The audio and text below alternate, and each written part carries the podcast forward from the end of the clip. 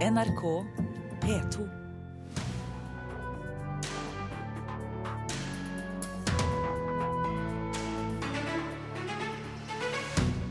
Pinlig for norske kulturredaktører at de ikke har anmeldt boken som nå kan vinne Nordisk råds litteraturpris, mener kritikerlaget.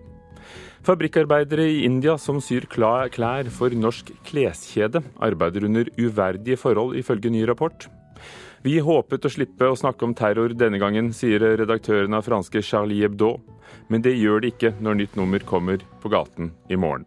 Og en av Norges største unge musikktalenter, Vilde Frang, når ikke helt til topps på sin nye Mozart-plate, mener vår anmelder.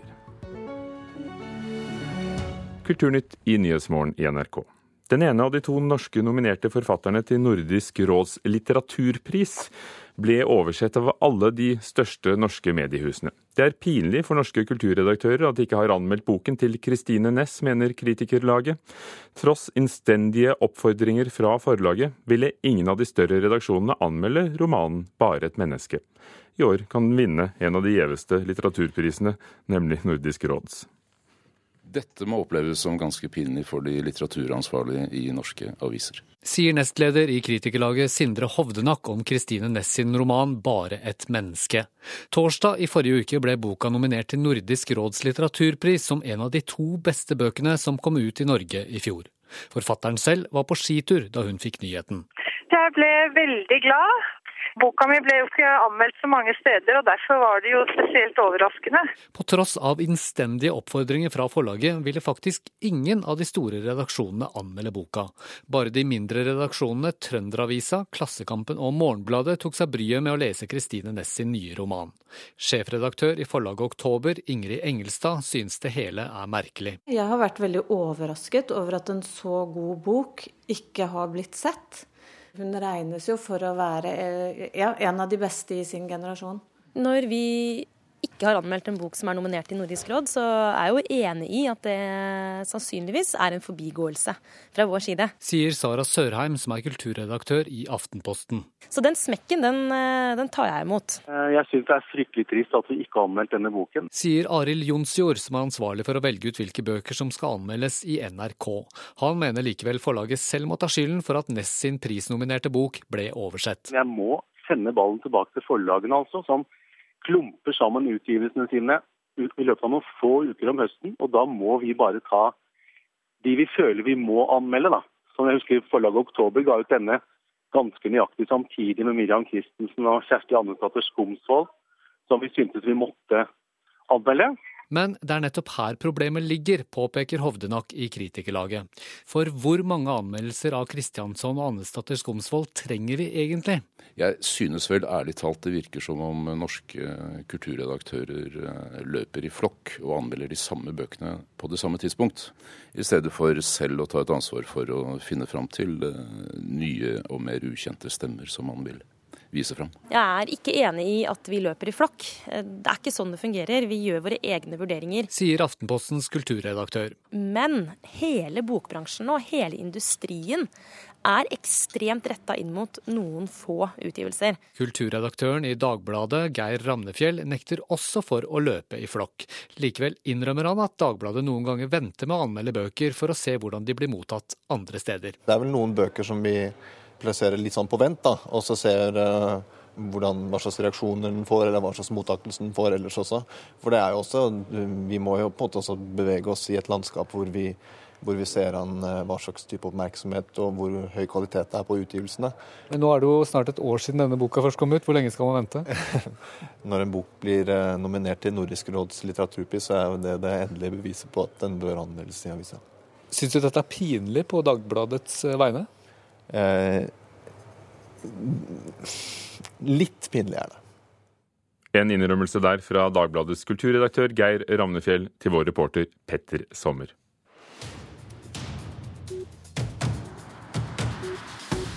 Betalkanalene Seymour Norge er et så stort tapssluk for selskapet Bonnier at eh, Bonnier nå betaler TV 2 150 millioner kroner for å overta virksomheten. Det skriver Dagens Næringsliv dagen etter at det ble kjent at TV 2 kjøper Seymour og rettighetene til norsk fotball de neste to årene. Seymour-kanalene har et ventet underskudd på 200 millioner kroner i år.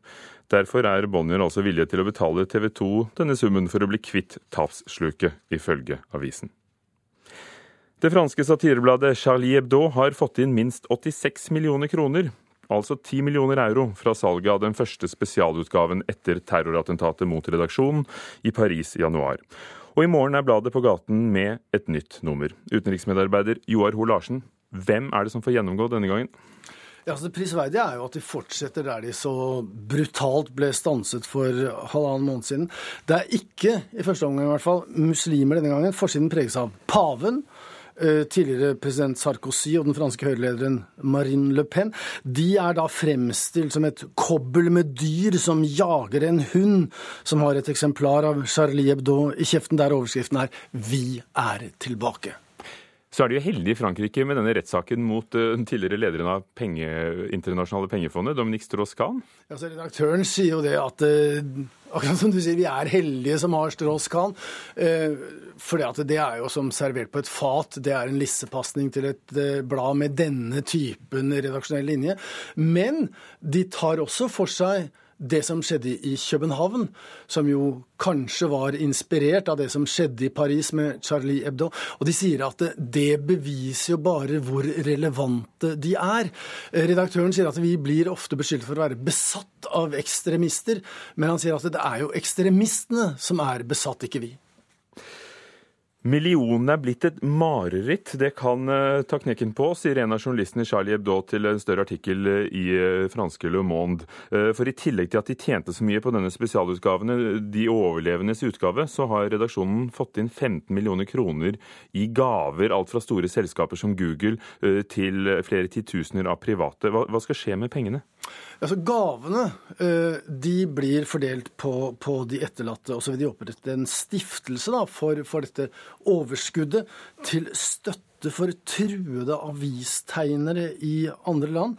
Eh, men de har jo opplevd tidligere, da de tjente masse penger en gang, at, at mye penger altså Denne type redaksjoner, der, der, jobber de fra dag til dag og fra hånd til munn. Masse penger fører ofte til interne konflikter og splittelse, og det skjedde i Charlie Hebdo i, i 2008.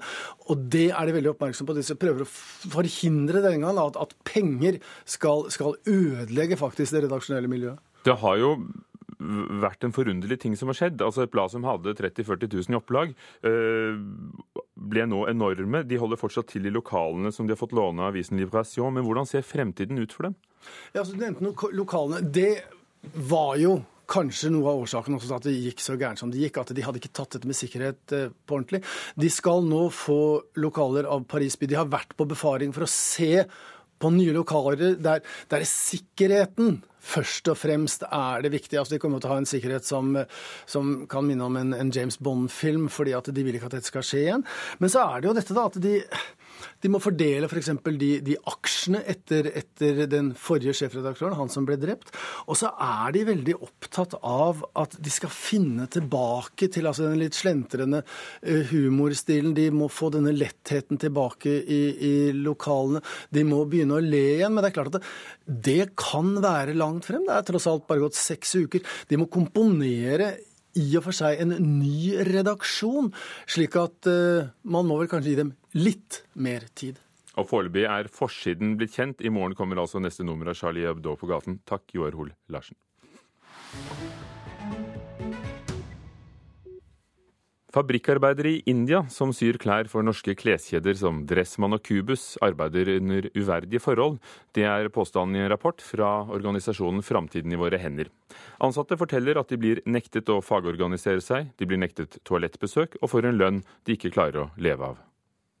Det viktigste er at eh, man eh, går vekk fra alt som heter minstelønn og snakker om en levelønn, og sier at eh, alle arbeiderne som jobber for Warner på sine fabrikker, skal ha en lønn å leve av. Lønnsnivået er bare ett av de uverdige forholdene de ansatte forteller om i rapporten fra Fremtiden i våre hender, som daglig leder Arild Hermstad presenterer i dag. Sammen med den indiske organisasjonen Cividep har de intervjuet arbeidere ved flere fabrikker. En av dem utenfor Bangalore produserer klær for norske Warner-gruppen. Selskapet eier kleskjeder som Bikbok, Vivikis, Dressmann og Kubus. På denne fabrikken ligger en månedslønn på 810 kroner. Beregninger fra indiske myndigheter viser at lønnen må være minst to og en halv gang så høy for å leve et noenlunde verdig liv i denne regionen.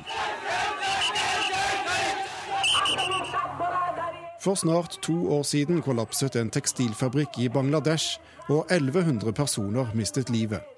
Det førte til store protester og demonstrasjoner. I kjølvannet har flere motekonsern blitt åpne om hvilke fabrikker de kjøper klær fra. Warner-gruppen har også signert en avtale som sikrer arbeidere i Bangladesh en trygg arbeidsplass. Men i India gjenstår mye arbeid, ifølge rapporten fra Fremtiden i våre hender. Arbeiderne forteller om et umenneskelig produksjonspress. Fabrikken krever at en arbeider syr på mellom 70 og 100 skjortekrager per time, mens det bare er praktisk mulig å få unna mellom 40 og 60. Har de for korte leveransefrister, Eh, har de gode nok samarbeidspartnere, eh, langsiktige nok kontrakter, så må de gå inn aktivt og jobbe sammen med fabrikkene og arbeiderne på fabrikkene for å sikre dette. Eh, og det, Noe av dette gjøres i dag, men det går altså fryktelig sakte. Arbeiderne får heller ikke ta nok pauser. Toalettbesøk er sterkt regulert og ikke tillatt for de som jobber overtid. Noe man ofte blir tvunget til utover det som er lovlig og dersom man forsøker å fagorganisere seg, risikerer man å miste jobben. Det er faktisk så lite attraktivt at ingen av de fabrikkene vi har sett på, der finnes det ikke noen fagforeninger. Warner-gruppen har fått rapporten, men ønsker ikke å la seg intervjue av NRK. I en e-post skriver pressekontakt Julie Eckhart at beskrivelsene i rapporten ikke er i tråd med kravene Warner stiller til sine leverandører. Dersom forholdene blir bekreftet gjennom egne undersøkelser, vil det få konsekvenser for fabrikken det gjelder. Det må også være fryktelig nedslående for Warner at de som jobber på disse fabrikkene, ikke ønsker seg dette livet. Ikke ser noen fremtid i denne bransjen. Det, sånn bør det ikke være når, eh, når de skal produsere klær for eh, norske forbrukere. Arild Hermstad i Framtiden i våre hender, reporter Thomas Alvarstein Ove. Klokken er kvart over åtte, du hører på Nyhetsmorgen i NRK. Overskriften i Dagsnytt i dag. Mange er kritiske til skjerpede krav for å få norsk statsborgerskap. Blant dem er Likestillings- og diskrimineringsombudet og det offentlige fagorganet Vox, som laget testene. Fortsatt er ingen stilt til ansvar etter at en av de verste dødsbrannene i Norge i nyere tid, eh, da syv polske arbeidere omkom i Drammen for seks år siden. Politiet fant bombeoppskrifter og bilder av ansatte i Politiets sikkerhetstjeneste da de etterforsket terrorsaken som åpner i Oslo tingrett i dag. Og her i Kulturnytt eh, skal vi snakke om skole. Som en av de første skolene her i landet gir Lindebøskauken skole i Kristiansand nettbrett til alle elevene på skolen. Kommunen skal nå vurdere om dette er en god ting for fremtiden. Ja, altså I, i eskene ligger det jo iPaden, og så er det ladere som, som er med. Rektoren på Lindebøskaugen skole, Øystein Knutsen, har pakka opp over 200 nettbrett den siste uka. Eh, I tillegg så, skal elevene ha et uh, tastatur. Det er den første skolen i Kristiansand der alle elever og lærere får hvert sitt nettbrett. Det er et prosjekt de har tatt initiativ til sjøl, men får støtte fra oppvekstdirektøren i Kristiansand kommune. Pedagogisk IT-rådgiver hos oppvekstdirektøren, Ole Vångraven, sier dette kan ses på som et prøveprosjekt på hvordan IKT-opplæringa kan foregå i framtida. Eh, de erfaringene som eh, Lindebøskøen eh, nå gjør, de må vi ta, ta, med inn i diskusjonen videre. Hvordan elever i Kristiansandsskolen skal få på plass den femte grunnleggende ferdigheten, nemlig IKT-ferdigheten. Det som er ekstra spennende her, det er den én-til-én på hele, hele linja. Eh, om det blir nettbrett, eller om det blir laptops eller andre, andre teknologiske løsninger, det, det, må vi jo ta med og diskutere videre. Eh, for Det som vi tenker er jo at eh, vi skal begynne å jobbe på en ny måte. Det er ikke sånn at vi skal bare skrive på en ny skrivemaskin, men vi skal begynne å bruke ting på en annen måte. Kombinere tekst, lyd, bilde og lage produkter ut av det. Lage lærebøker. Eh, elevene lager sine egne bøker.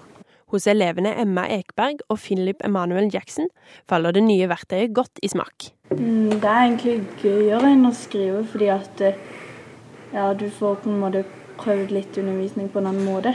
I Erlend i dag så skulle vi lage bare en sånn liten bok om hinduismen, så det var veldig gøy, bare for å prøve. Du har mer muligheter. Det er ja, flere verktøy å bruke enn bare boka. Altså, de kan bruke den, eh, eller skal jo bruke den på skolen, skal bruke den til lekser og ha den med seg hjem. Eh, men de kan også laste inn egne programmer. Det eneste med begrensning er at det skal være plass til det vi skal gjøre på skolen. Rektoren har klare mål for innføringa av de nye nettbrettene. Vi håper å oppnå mer elevaktivitet. Eh, aktive elever i timene. Og det at vi kan tilpasse undervisninga sånn at alle elevene kan være med. Så kan jeg f.eks lage ei Jeg kan enten velge den eller den. I den sammenhengen nå her, så er det et fett hva jeg velger. I norsken i dag så skulle vi lage sånn fortellingfilm på en måte. Og det ser veldig gøy ut, så det gleder jeg meg til å bruke mer. Og det var reporter Silje Solbakken som hadde vært på Lindebøskaugen skole i Kristiansand. Sylfest Lomheim, professor ved Universitetet i Agder. Tror du at nettbrett i skolen vil føre til økt kunnskap, bedre ferdigheter? Nei. Ikke uten videre. Hva skal til da?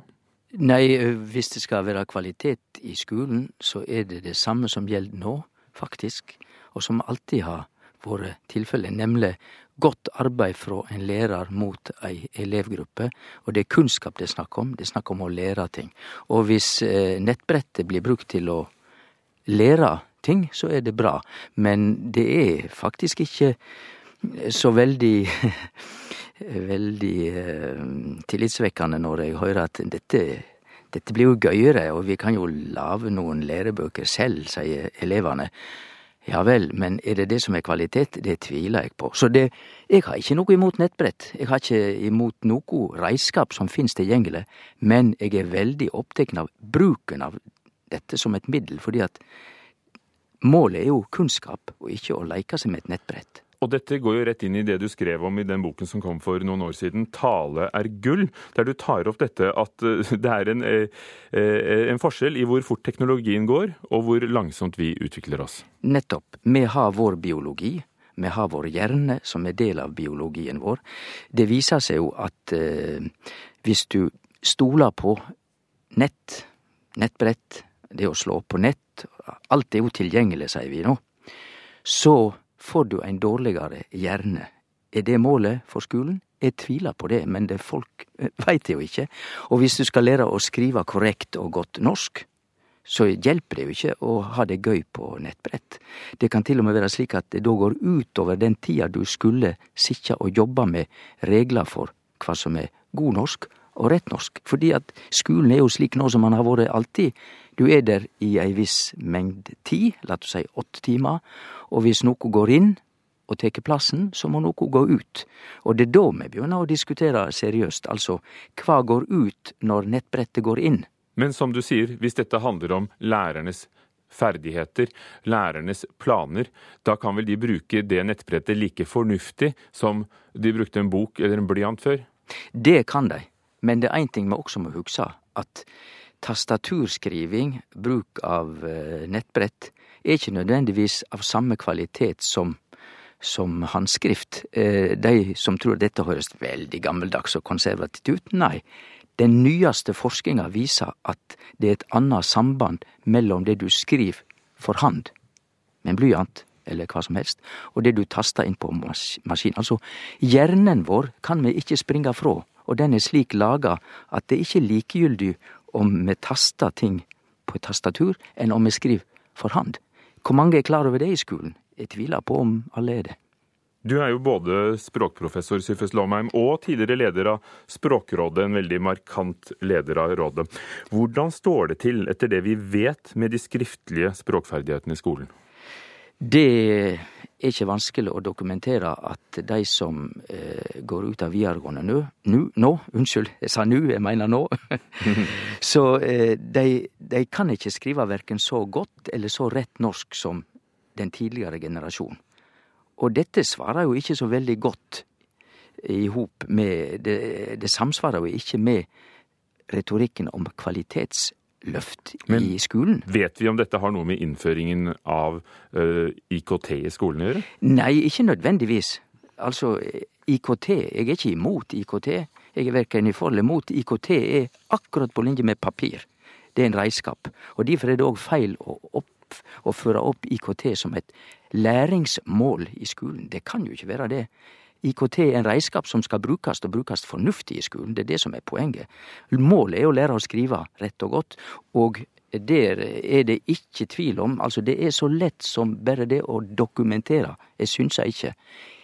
Kvaliteten på skrivinga i høyere utdanning nå er ikke slik som det var for 20 år siden. Der har vi nådd vårt mål. Takk skal du ha, professor ved Universitetet i Agder, Sylfest Lomheim. Vidar Sem var produsent, Hanne Lunås teknisk ansvarlig og Ugo Fermariello programleder. Nå fortsetter Nyhetsmorgen. Hør flere podkaster på nrk.no podkast.